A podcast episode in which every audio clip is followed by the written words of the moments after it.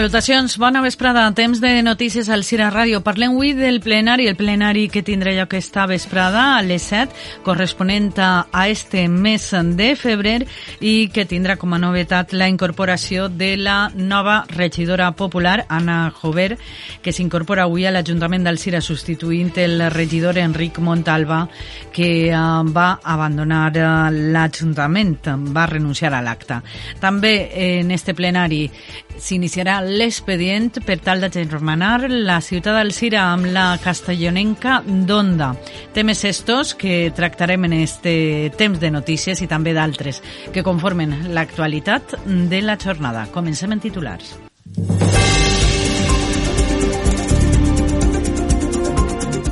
Alzira acull divendres una nova edició de les jornades de la fibromialgia que organitza Adafir. L'associació complix 20 anys sent pionera en donar visibilitat a esta malaltia. El regidor de Cultura d'Alzira presenta el balanç de la gestió d'Alzira Capital Cultural Valenciana 2022.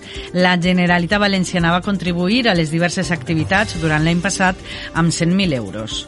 La nova política agrícola comuna obliga els llauradors a seguir un quadern digital per registrar les seues activitats i dificulta l'accés de la xicoteta explotació a les ajudes. Les principals novetats s'explicaren als llauradors dilluns passat al Cira. La 31a Setmana Cultural de la Falla Plaça La Malva tancava ahir, es tancava ahir amb l'actuació del poeta satíric Salvador Bolufer i el lliurament de diplomes als finalistes del concurs de poesia satírica.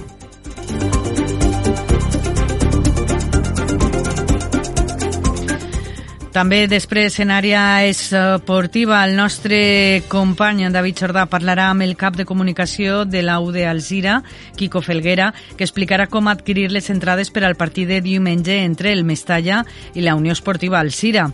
I d'altra banda també els parlarà de l'Hortitec Alzira Tenis Taula, que es va veure empatat per dos dels millors jugadors d'Espanya i França. I pel que fa a la previsió de l'oratge, avui mantenim una jornada tranquil·la i assolellada amb temperatures suaus. A partir de demà entra un nou front que ens dura aigua i temperatures hivernals. És la 1 i 33, comencem. Vols sorprendre algú especial amb un detall únic i original? Visita Nenufar. Amb la seva àmplia varietat de flors i plantes, trobaràs el regal perfecte per a qualsevol ocasió. Situada al carrer Benito Pérez Galdós, número 27, Nenufar t'ofereix un servei personalitzat i atent perquè pugues triar entre totes les seues belles opcions d'arranjaments florals, rams i plantes decoratives. Te esperem. Nenufar, empresa seleccionada al mes de febrer en la campanya Alzira 12 mesos 12 comerços. Ajuntament d'Alzira. Alzira cull la final de la segona Copa President de la Diputació de València de Raspall Elit Femenina. El trinquet municipal obrirà les seues portes el dia 25 de febrer a les 5 i mitja de la vesprada per a gaudir de la pilota valenciana. Alzira amb l'esport femení. T'esperem per a veure les millors jugadores de pilota. Viu l'esport. Regidoria d'Esports. Ajuntament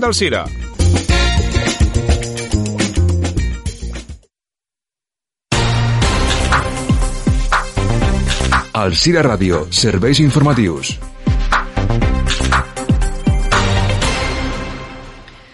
L'Ajuntament d'Alcira celebra avui el ple ordinari que donarà la benvinguda a la nova regidora del Partit Popular, Ana Jover Ortega. La Popular substituirà el fins el mes passat regidor, Enric Montalbà, Enrique Montalbà, que abandonava el partit i renunciava a la seva acta com a regidor per desacords amb la seva formació política. A banda de la incorporació de la nova regidora, el plenari s'aprovarà iniciar l'expedient per a germanar el Cira amb la població castellonenca d'Onda, una petició que va fer l'arxiconfraria dels Sants Patrons Bernat Maria i Gràcia. L'agermanament de facto d'ambdues ciutats prové dels anys 30 i 40 del segle XX, quan José María Llopico va dur la imatge i la relíquia de Sant Bernat a Onda després de rescatar-les de l'incendi de l'església de Santa Caterina que va succeir l'any 1936. Al plenari també es debatran diverses mocions, com la de Ciutadans per donar suport al sector agrari valencià, la moció del grup Compromís i PSOE al voltant del Dia de la Dona i la moció del Partit Popular sobre el suport al servei d'urgències del Centre de Salut del Cira. 46.000 persones i més de 400 activitats són les principals dades de l'any 2022 pel que fa a la participació en la capitalitat cultural d'Alcira. El regidor de Cultura, Alfred Aranda, ha presentat al foro de la capitalitat cultural integrat per representants dels grups polítics municipals i per tècnics d'un informe de les activitats realitzades amb motiu del nomenament d'Alcira Capital Cultural Valenciana 2022. El regidor ha mostrat el seu agraïment als alcirenys i alcirenyes per la bona acollida així com als professionals de l'àrea de cultura per la seva eficàcia i màxima dedicació, a la Conselleria de Cultura per la dotació econòmica, espectacles i exposicions facilitades.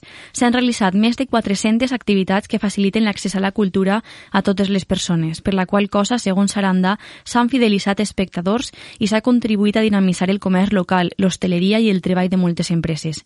Alcira ha sigut culturalment més capital de comarca que mai, ha resumit Aranda. S'ha oferit una programació diversa i de qualitat en la qual han participat companyies, músics i artistes locals, valencians, nacionals i internacionals. A més, actua de manera transversal implicant a les associacions culturals i altres àrees municipals. Alfred Aranda. Hem, hem eh, portat eh, la, la capitalitat en les banderoles, en les pancartes, en les tanques i en l'esport, que també vull que, que no se m'oblide que tinc excel·lents relacions, magnífiques relacions, evidentment amb patrimoni, eh, arxiu, amb, amb, amb turisme, regidoria de festes, però també està molt bé la implicació amb la regidoria d'Igualtat, la regidoria de Medi Ambient, ara la regidoria d'Educació, eh, eh, evidentment, i amb esport. Més del 50% de les activitats s'han fet al carrer o en espais a l'aire lliure, a les que han assistit unes 4, 46.000 persones. Més de 5.000 xiquets, xiquetes i joves estudiants han gaudit d'espectacles, visites guiades, animacions i han participat en diversos concursos. Pel que fa a les despeses de la capitalitat cultural, cal dir que no han suposat cap càrrega destacable, ja que s'ha comptat amb el pressupost municipal previst de l'àrea de cultura per al 2022, la dotació de 100.000 euros de la Conselleria de Cultura i altres subvencions d'entitats públiques.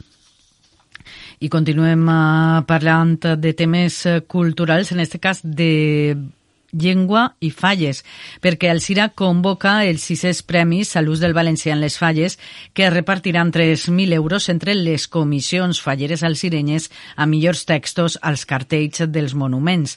La convocatòria està oberta a totes les comissions de la ciutat fins el pròxim 3 de març. La Regidoria de Cultura, a través del Servei al Sireny de Promoció i Ús del Valencià, ha convocat esta sisena edició dels Premis a l'ús del valencià en les falles 2023. Els monuments fallers de la ciutat participaran en les cinc seccions establertes i el jurat triarà el millor treball per cada secció. Hi haurà un primer premi de 1.000 euros i quatre segons premis de 500 euros. El jurat valorarà la correcció, l'enginy, la sàtira i la coherència dels continguts. El veredicte es farà públic el 17 de març, quan totes les falles i les comissions guanyadores rebran un banderí acreditatiu d'este premi. Alfred Aranda, regidor de Cultura, explicava que estos premis pretenen potenciar l'ús de la nostra llengua en el món faller i animar les comissions falleres perquè doten de qualitat els textos dels monuments. L'escoltem. Se trata de un, de un concurs que el que se pretén és que les, els retos que apareixen en les diferents monuments fallers tinguen gràcia, estiguen ben escrits, tinguen ironia i tinguen un nivell de qualitat eh, més, més que digne. D'esta manera, el Cerval, que promociona l'ús del valencià, col·labora amb la festa fallera, amb, amb els monuments, amb la cultura, la cultura en valencià, perquè volem oferir un model de llengua digne. Les sol·licituds per a participar en este concurs es faran a través de la seu electrònica de l'Ajuntament d'Alcira fins al 3 de març. I l'Ajuntament del Cira està millorant la plaça del 30 de desembre amb una nova imatge. Este espai està situat al cor de la vila, al costat de les muralles. Des del Departament de Serveis Urbans s'està escometent la remodelació de l'enjardinament de la plaça 30 de desembre, davant l'estat de deteriorament en el qual es trobava. Els treballs que s'estan realitzant milloren l'estètica i la neteja d'esta plaça. També s'aprofitarà esta intervenció per instal·lar rec per degoteig soterrat, tant per als arbres com per a la nova zona enjardinada de flor de temporada. El responsable de l'àrea de serveis urbans, Fernando Pascual, animava el veïnat a cuidar del parc va quedarse una plaza preciosa, una plaza digna de lo que és la Villa d'Alcira. I esperem que els veïns d'esta zona sàpien apreciar el que estem fent des de l'Ajuntament, que la cuiden i que la conserven. I parlem ara de la política agrícola comuna, la PAC, per al període 2023-2027, que incorpora novetats que afecten directament l'agricultura a les nostres eh, comar comarques. Concretament, dilluns, a l'Ajuntament d'Alcira s'explicaven aquestes novetats als llauradors alcirenys. La nova normativa va dificultar l'accés dels minifundis a les ajudes econòmiques i obliga als llauradors a seguir un quadern digital d'explotació. Fins al 2022, els agricultors cobraven un pagament bàsic en funció dels drets, al qual se sumava un pagament verd per aconseguir la subvenció total. Al 2023, este pagament bàsic passa a anomenar-se ajuda bàsica a la renda per a la sostenibilitat i s'incorporen els ecorègims com a ajuda independent a la qual podran accedir tots els llauradors tinguen drets o no. Ens ho explica Toni Soler, gerent del CICOP. Quan això vas començar, se va fer per cultius. Tu tenies una hectàrea de citris, doncs tenies un dret. Tot això va evolucionant i el, tinguent en compte els 300 euros, que anem a dir és la barrera, jo, per exemple, tenia un dret i mig i cada dret te donaven 200 euros, doncs cobrava. Actualment, com han separat el pago verde del pago bàsic, el pago bàsic són 144 euros per hectàrea. Això és el que pagaran el 2023. Què significa? Que si jo tinc mm, una hectàrea i mitja, que venen a ser unes 20 fanecaes. 20 fanecaes per 144 són 288 euros. No arriba a cobrar. És a dir, estem augmentant el número de drets per a poder arribar al mínim de 300. Si no arribes a 300, no cobres. La PAC 2023-2027 incorpora també una condicionalitat reforçada que obliga els llauradors a seguir un llibre d'explotació digital que haurà d'actualitzar-se cada mes. Està previst que el Ministeri posi a la disposició dels agricultors un programa gratuït per a fer estos tràmits digitals. Toni Soler pensa que aquesta digitalització forçada suposarà un cost més per al xicoter productor de les nostres comarques, que haurà de delegar en terceres persones. Què passa a partir del 2023? El quaderno és digital, és a dir, tu tots els mesos tens que pujar-li a conselleria, a ministeri, on corresponga, perquè tot això encara no està del tot definit, el que en la teua parcel·la. És a dir, des de que tu fas una aplicació tens 15 dies per anotar-la en el quaderno digital. Si tu eres major i no saps com fer tot el que tens que fer, pues necessitaràs algú que t'ho faci, és a dir, estem augmentant els costos. Quasi se fa tot eh, via web i tu tens que ser capaç de, de, de tindre eixa funcionalitat en càmeres georreferenciades, en ordenadors, en tal. I el nostre llaurador és major.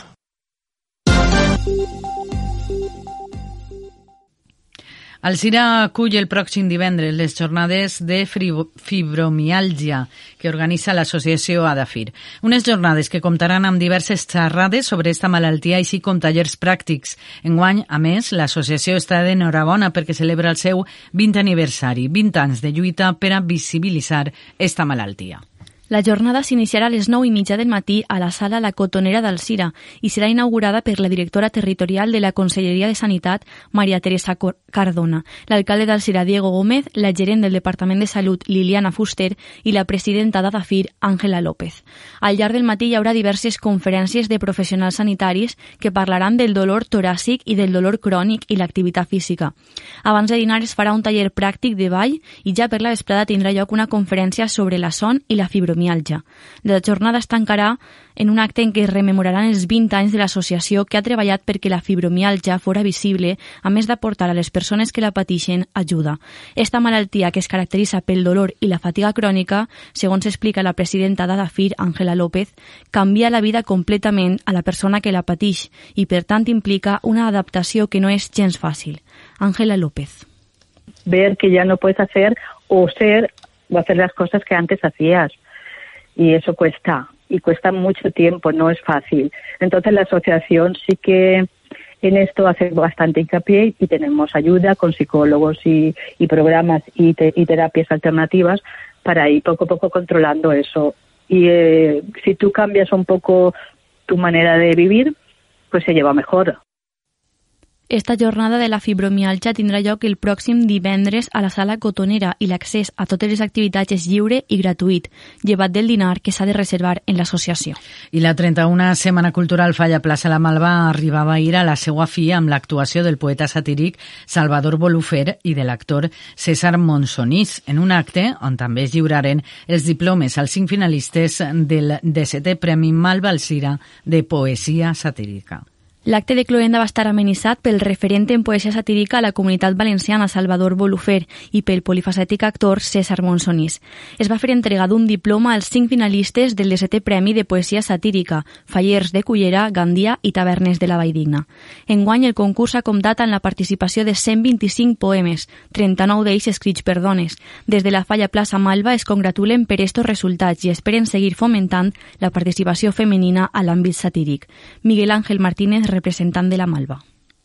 La participació per a nosaltres compta molt, però el que, el que volíem és que realment les dones participaren eh, de, de la poesia satírica, sembla, sembla que no estava era un, era un, un gènere que estava un poc eh, com apartat, no? Com dit, no, eh, això només és d'homes, no. I la veritat és que ens hem dut una molt, molt bona sorpresa, perquè ja t'he dit, n'hi ha 39 dones que han escrit eh, poesia satírica i, bueno, anirem, anirem perseguint-les a veure si algun dia poden guanyar.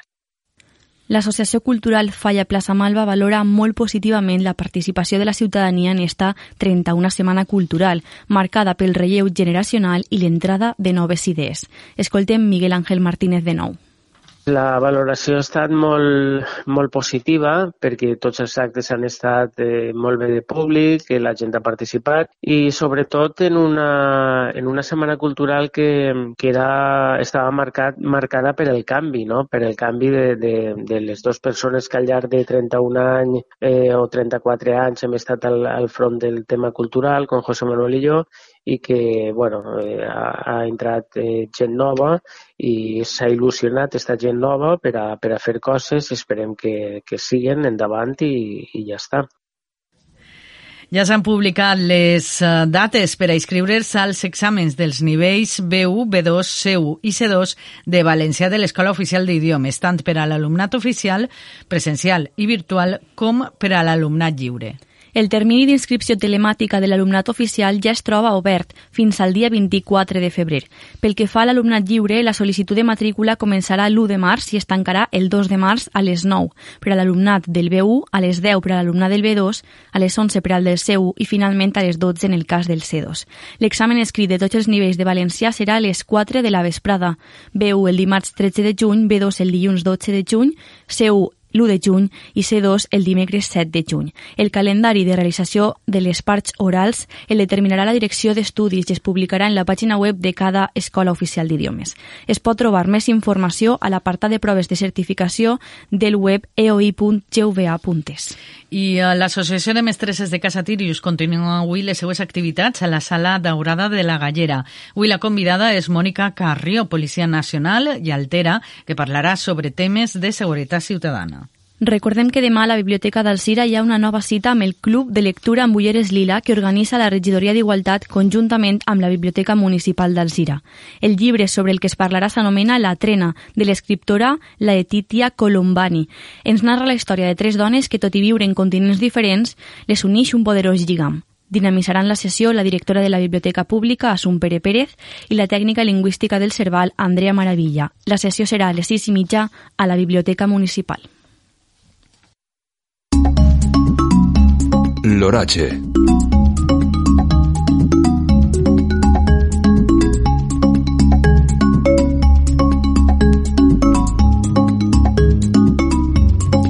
Tot i que el matí ha estat prou assolellat, l'atmosfera presenta una miqueta d'inestabilitat per l'arribada d'aire fred a les capes mitjanes i altes de l'atmosfera. A partir d'ara creixeran núvols d'evolució que poden deixar alguns ruixats, sobretot en les comarques més interiors del nostre territori. Les temperatures han pujat uns 4 graus de mitjana a la nostra zona i el vent continuarà bufant fluix. Demà dia amb abundant nuvolositat per l'arribada d'un front més actiu que a partir del migdia deixarà precipitacions especialment per les comarques de Castelló, València i nord d'Alacant. Les temperatures començaran a baixar i l'ambient serà més hivernal de manera general a tot el territori, després d'esta primera meitat de la setmana on les màximes s'han situat en valors més suaus. Respecte al vent es mostrarà fluix i de direcció variable pel matí més allevantat a la nostra zona.